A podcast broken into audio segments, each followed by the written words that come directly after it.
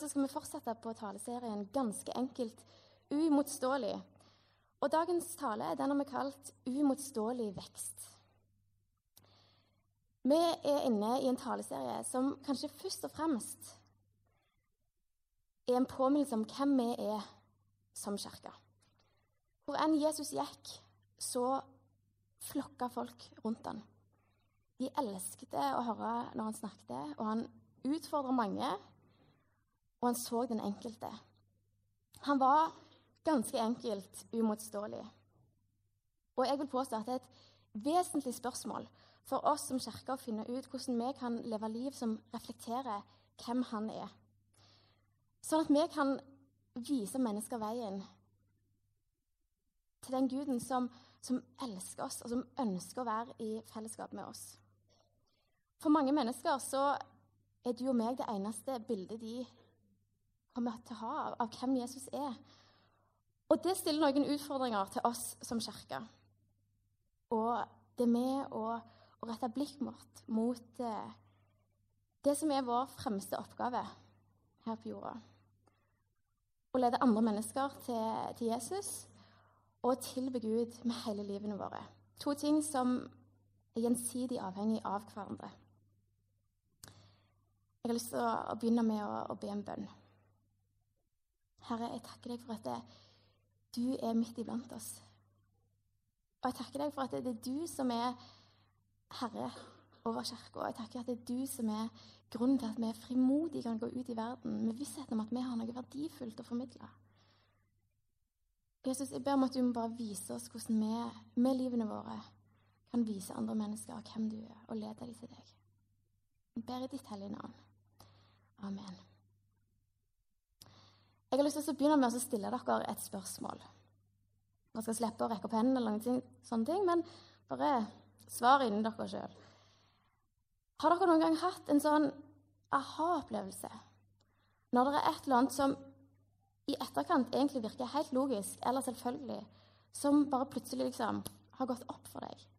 Akkurat som det går opp et lys, sånn som vi gjør i, i tegneseriene. I forrige halvår var jeg så heldig at jeg jobbet i barnehage. Og da er det masse sånne øyeblikk hvor du ser at det går opp små lys for ungene, hvor de liksom bare plutselig skjønner et eller annet. For eksempel eh, så var det en morgen i, i sommer at jeg eh, hadde tidligvakt. Og en av de aller viktigste oppgavene når en har tidligvakt, sånn utover å ta imot unger, det er å sette på kaffe. Det må på plass for at alle skal få en god dag. Så når barnehagen åpna kvart over syv, så sto det en gutt på døra. Og han fikk jo selvfølgelig lov å komme inn og fikk være med og lage kaffe. Så vi sto inni inne i denne kjøkkenkroken som vi har. Og så eh, hadde, jeg tror ikke han hadde vært med på det før. Så jeg begynte å snakke, og så snakket vi sammen. Ja, så vi har vann sånn, oppi her og oppi kaffetrakteren. Og ja, så tar vi kaffefilter, så har vi oppi kaffen, og så telte vi opp syv skeier og satte det på plass. Og så sier jeg til han nå kan du skru på kaffetrakteren. Og så trykker han på knappen, og så snur jeg meg bort for å ta ned eh, noen kopper fra skapet ved siden av. Og mens jeg står med ryggen til, så plutselig så bare setter han i et vræl og bare 'Andrea!' Og jeg får jo selvfølgelig liksom hjertet helt opp i halsen. Og jeg er bare livredd for hva som har skjedd nå. Så snur jeg meg, så ser jeg at det er jo ingenting som er galt. Så ser han på meg med de største øynene jeg har sett, og så bare Da kommer kaffe ut av kaffetrakteren. Og jeg tror alle vi har noen sånne øyeblikk hvor det plutselig bare, det bare Alt bare liksom faller på plass. Jeg har hatt noen sånne opplevelser. F.eks. at hvis jeg holder meg rolig i situasjoner, i diskusjoner kanskje, så, så eskalerer det ikke. Vi finner lettere ut av en løsning. Eller at hvis jeg gjør klesvasken min litt og litt, så føles det mye mindre enn hvis jeg tar alt på en gang. Sånne små ting. Men likevel ting som fører til at jeg har forandra hvordan jeg har oppført meg, eller hvordan jeg har tenkt om en ting. Og med det i tanken så har jeg lyst til å spørre deg når var forrige gang at du opplevde et sånt klikk, et sånt lys eller en aha-opplevelse i forhold til din åndelige vekst og modning? Vi er inne i taleserien Ganske enkelt umotståelig. Og vi snakker om hvordan Kirka har potensial til å bli et helt uimotståelig sted. Hvorfor skulle det ikke være det, når vi har en Gud som gir oss et så fantastisk og uimotståelig tilbud? Himmelens og jordens skaper sier til hver enkelt av oss jeg har skapt deg, og jeg elsker deg. Og selv om du har rota det til og synda og mange andre ting, så elsker jeg deg fremdeles. Og jeg ønsker å være i relasjon til deg. Jeg elsker deg så høyt at jeg har sendt min sønn for å dø for dine feiltrinn, sånn at vi skal være sammen. Og hvis du tar imot Jesus som din frelser, så lover jeg deg det mest spennende livet som du kan få. Det livet som du er skapt til, det som du er meint til. Og jeg vil være med deg. Jeg vil hjelpe deg i alle ting. Trenger ikke frykte for noe, selv ikke døden. For i meg skal du leve evig. For meg så er det et uimotståelig tilbud. Spesielt fordi det kommer fullstendig uten forbehold. Det er ingenting som må ordnes på forhånd. Alt jeg trenger, at vi sier ja, Jesus, jeg tror på deg. Og dette er et tilbud som Gud retter til alle mennesker i verden. Så hvorfor er det ikke flere som tar imot Jesus' tilbud? Hvorfor strømmer ikke folk til kirkene når det er dette uimotståelige tilbudet som vi har å formidle? Jeg tror det er mange årsaker til at folk ikke kommer til kirkene. En ting tror jeg er at folk ikke inviterer dem, så de tror ikke at de er velkommen. Det fins òg en del mennesker som egentlig syns at Jesus er ganske ok. Han har ganske mye bra med seg, men de er ikke så veldig begeistra for folket hans. Og Derfor så ønsker de heller ikke å komme til kirka. Og de får heller ikke muligheten til å lære mer om Jesus og hvem han er. Og For meg så koker det ned til dette. Hvis folk er interessert i Jesus, hvorfor er de ikke interessert i kirka? Og Med kirka mener jeg ikke dette konkrete kirkebygget, men jeg, jeg snakker om oss som fellesskapet av de som tror på Jesus. Som er forvalterne av det sanne budskapet om hvem Jesus er.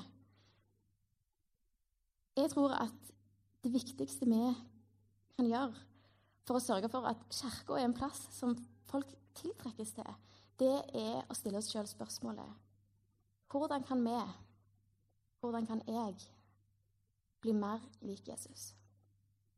Og plutselig så er vi midt i kjernen av hva åndelig vekst og modning i en kristen kontekst handler om. Å bli mer lik Jesus og følge etter han. Og gjøre som han og forme seg til hans forbilde. Jeg tror at en menighet som skjønner at Jesus er vårt aller fremste salgspoeng Misforstår meg rett de skjønner at det har noe å si om vi som fellesskap ligner på Jesus.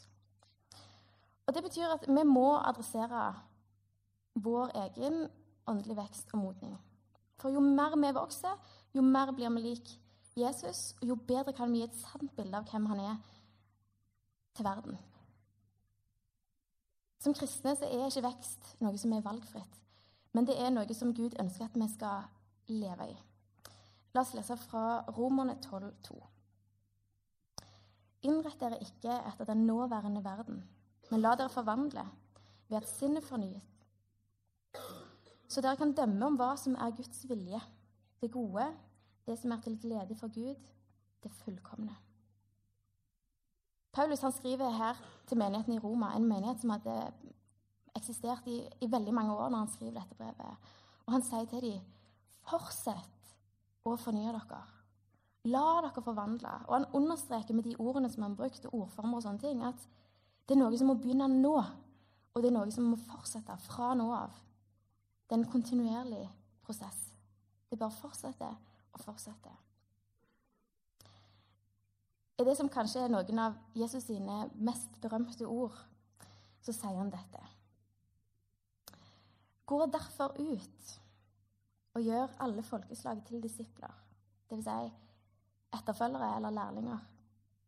Døp dem til Faderens og Sønnens og Den hellige ånds navn, og lær dem å holde alt det jeg har befalt dere. Disse ordene blir gjerne kalt for misjonsbefalingen. De står i Matteus 28, 19. Lær de å holde alt det som jeg har befalt dere, sier han. Og i det som da er Jesus sine aller siste ord før han drar opp til himmelen, så sier han at det er hans ønske at vi skal bli sånn som han. Og at alle andre mennesker òg skal få muligheten til å bli sånn som han. At vi skal følge etter han, at vi skal lye han, at vi skal formes i hans bilde. Og jeg tror han valgte sine siste ord med omhu. I alle sammenhenger i livet så blir det betrakta som et sunnhetstegn når noe vokser. Og Sånn er det òg med troen. Det er kanskje mange av dere her som, som, har unger, og dere vet at sunne barn de vokser og de utvikler seg. Hvis noen hadde kommet til meg med barnet sitt på ett år, og det fremdeles hadde vært like stort som når det var født, så hadde jeg blitt bekymra. Da hadde jeg begynt å lure på Oi, hva er det som er galt her? Og jeg tror at på samme måten kan vi tenke i forhold til åndelig vekst og modning. Når en ikke utvikler seg, når det ikke er noen vekst, så er det et eller annet som ikke er sånn som det skal. På den ene sida er vekst noe som, som, Gud kaller oss til, som vi ikke har noe valg i forhold til egentlig. Og på den andre sida er det jo en befaling, om du vil, som uten tvil òg kommer oss sjøl til gode. Noe som egentlig burde være en en glede å forholde seg til.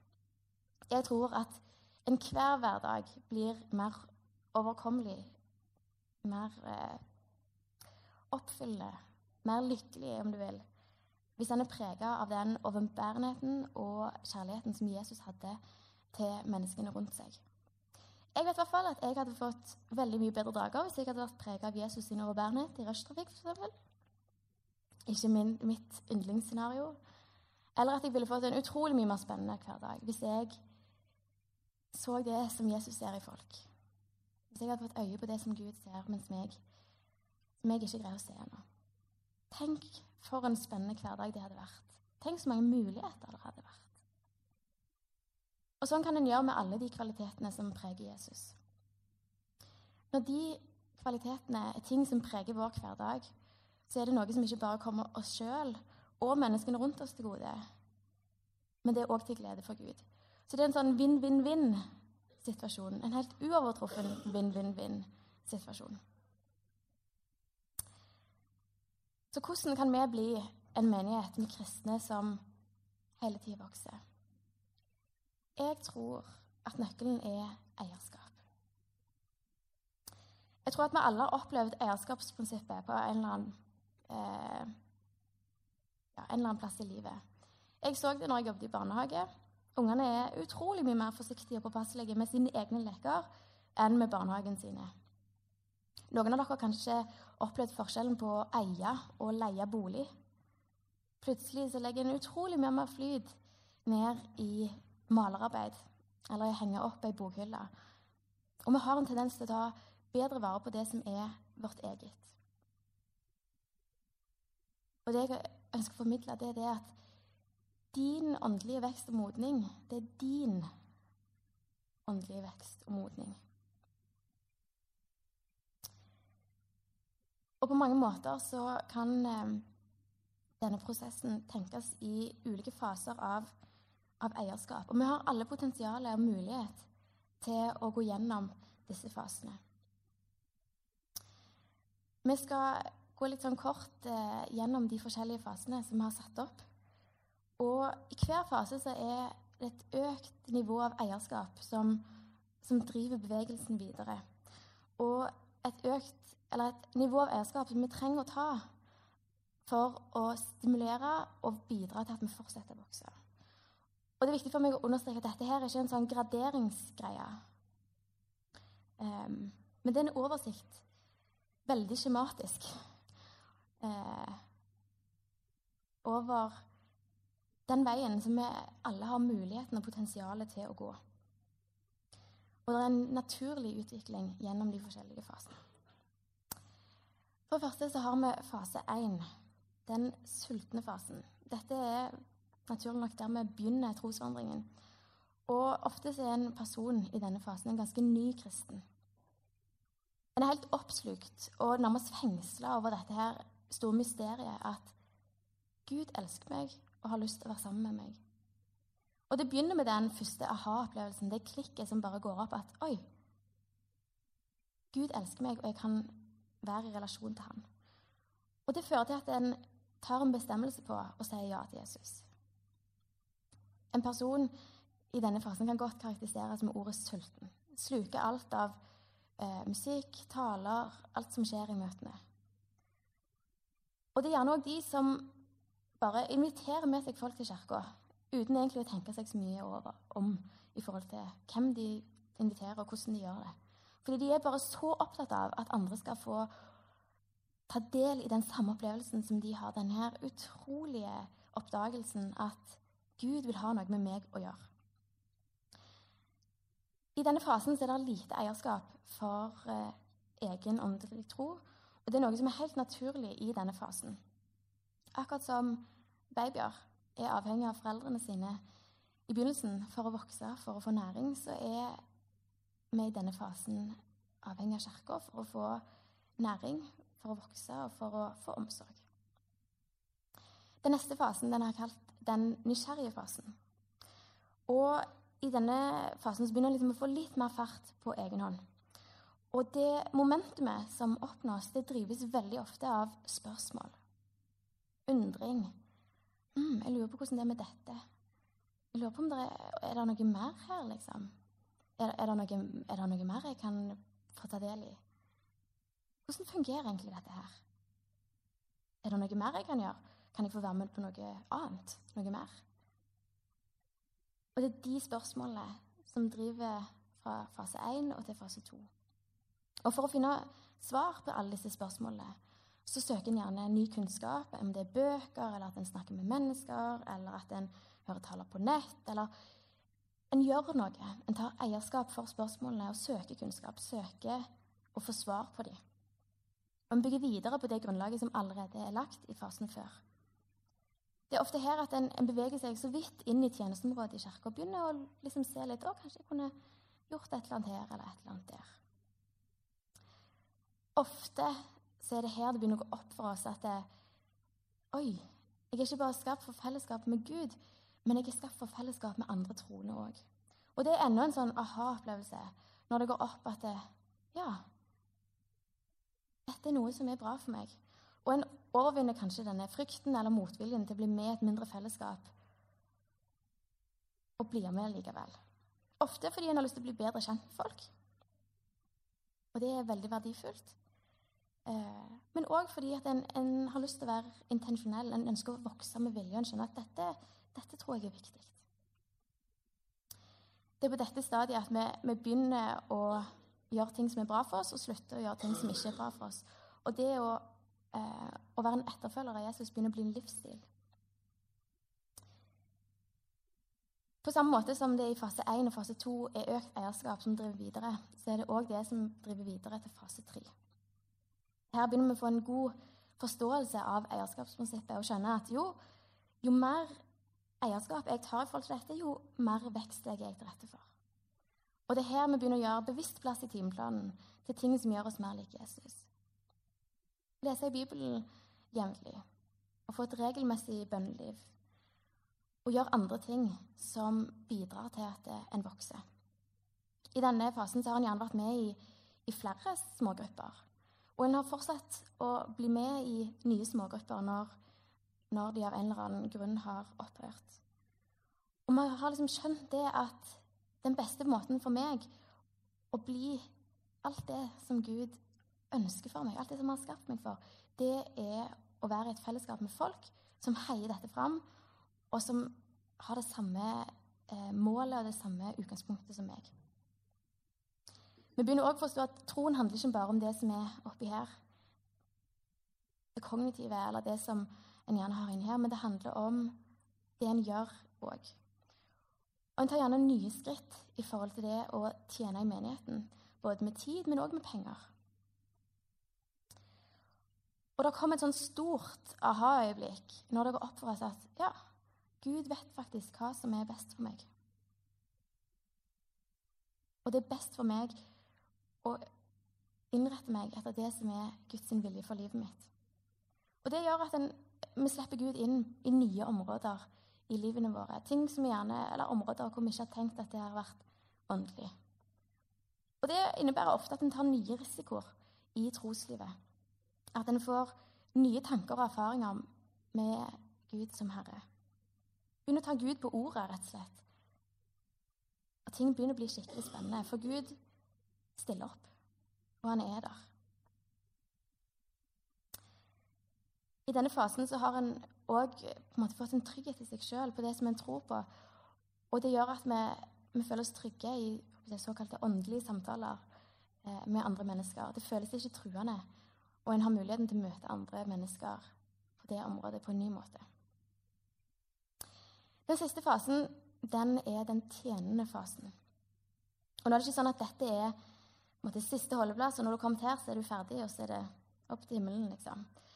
Eh, men er det noe som, som, kjennetegner denne fasen, så er det den bevisstheten om at åndelig modning, åndelig vekst, det er en kontinuerlig og livslang prosess.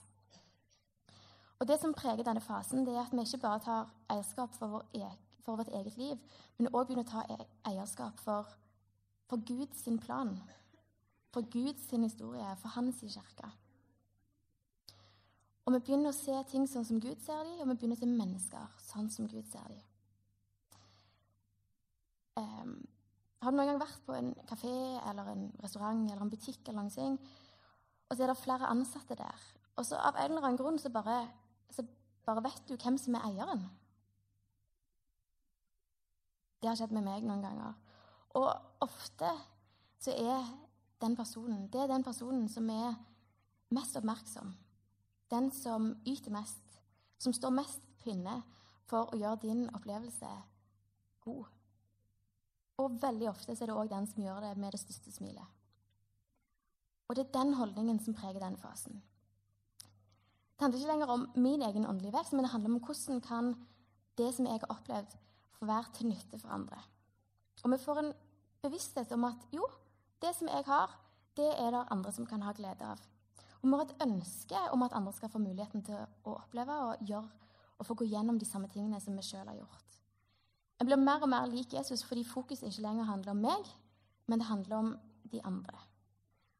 Og selv om en har kommet langt av gårde, så må en alltid ta stikkprøver av seg sjøl for å se at en passer på at jeg hele tida er i bevegelse. Men hovedfokuset er likevel retta mot andre. Om det er i menigheten, eller om det er i andre forum rundt oss. Begynn å se verdien av den åndelige veksten. Ikke bare for den enkelte, men for Kirka og for Guds plan, Guds historie. Guds frelseverk i verden. I dette, denne fasen er en den som hjelper, og som støtter, og som er med og driver andre av gårde, og som eh, sier til folk 'Jeg kan hjelpe'. Jeg har opplevd et eller annet som, som du kanskje kan relatere til. Kan jeg få lov å hjelpe deg? Så det var de fire fasene.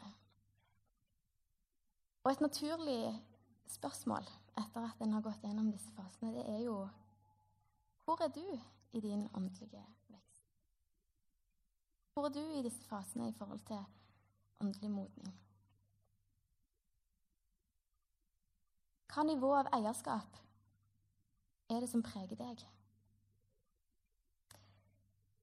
Hvis du ikke kan helt svarer på det spørsmålet, så kan det være et tegn på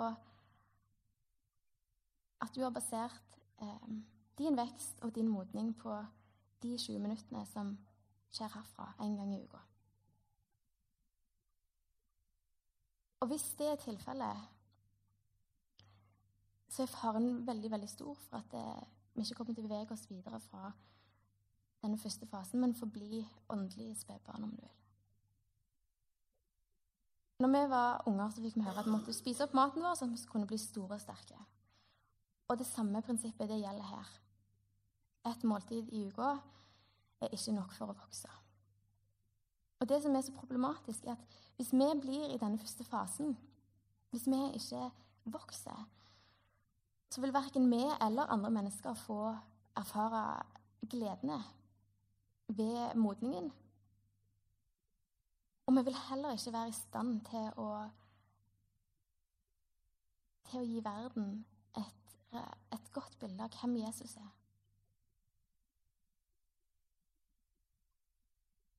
Vekst er noe som er en naturlig følge av en sunn åndelighet. Og det er så viktig at vi forstår det. Det jeg har lyst til å avslutte med i, eh, i dag, det er en utfordring til oss alle sammen. Like mye til meg sjøl som eh, til dere. Og den er Hva kan du gjøre denne uka for å øke nivået av eierskap som du tar i forhold til din åndelige vekst og din åndelige modning? Det er et kjempeviktig spørsmål hvis vi vil være en menighet hvor folk får se hvem Jesus er.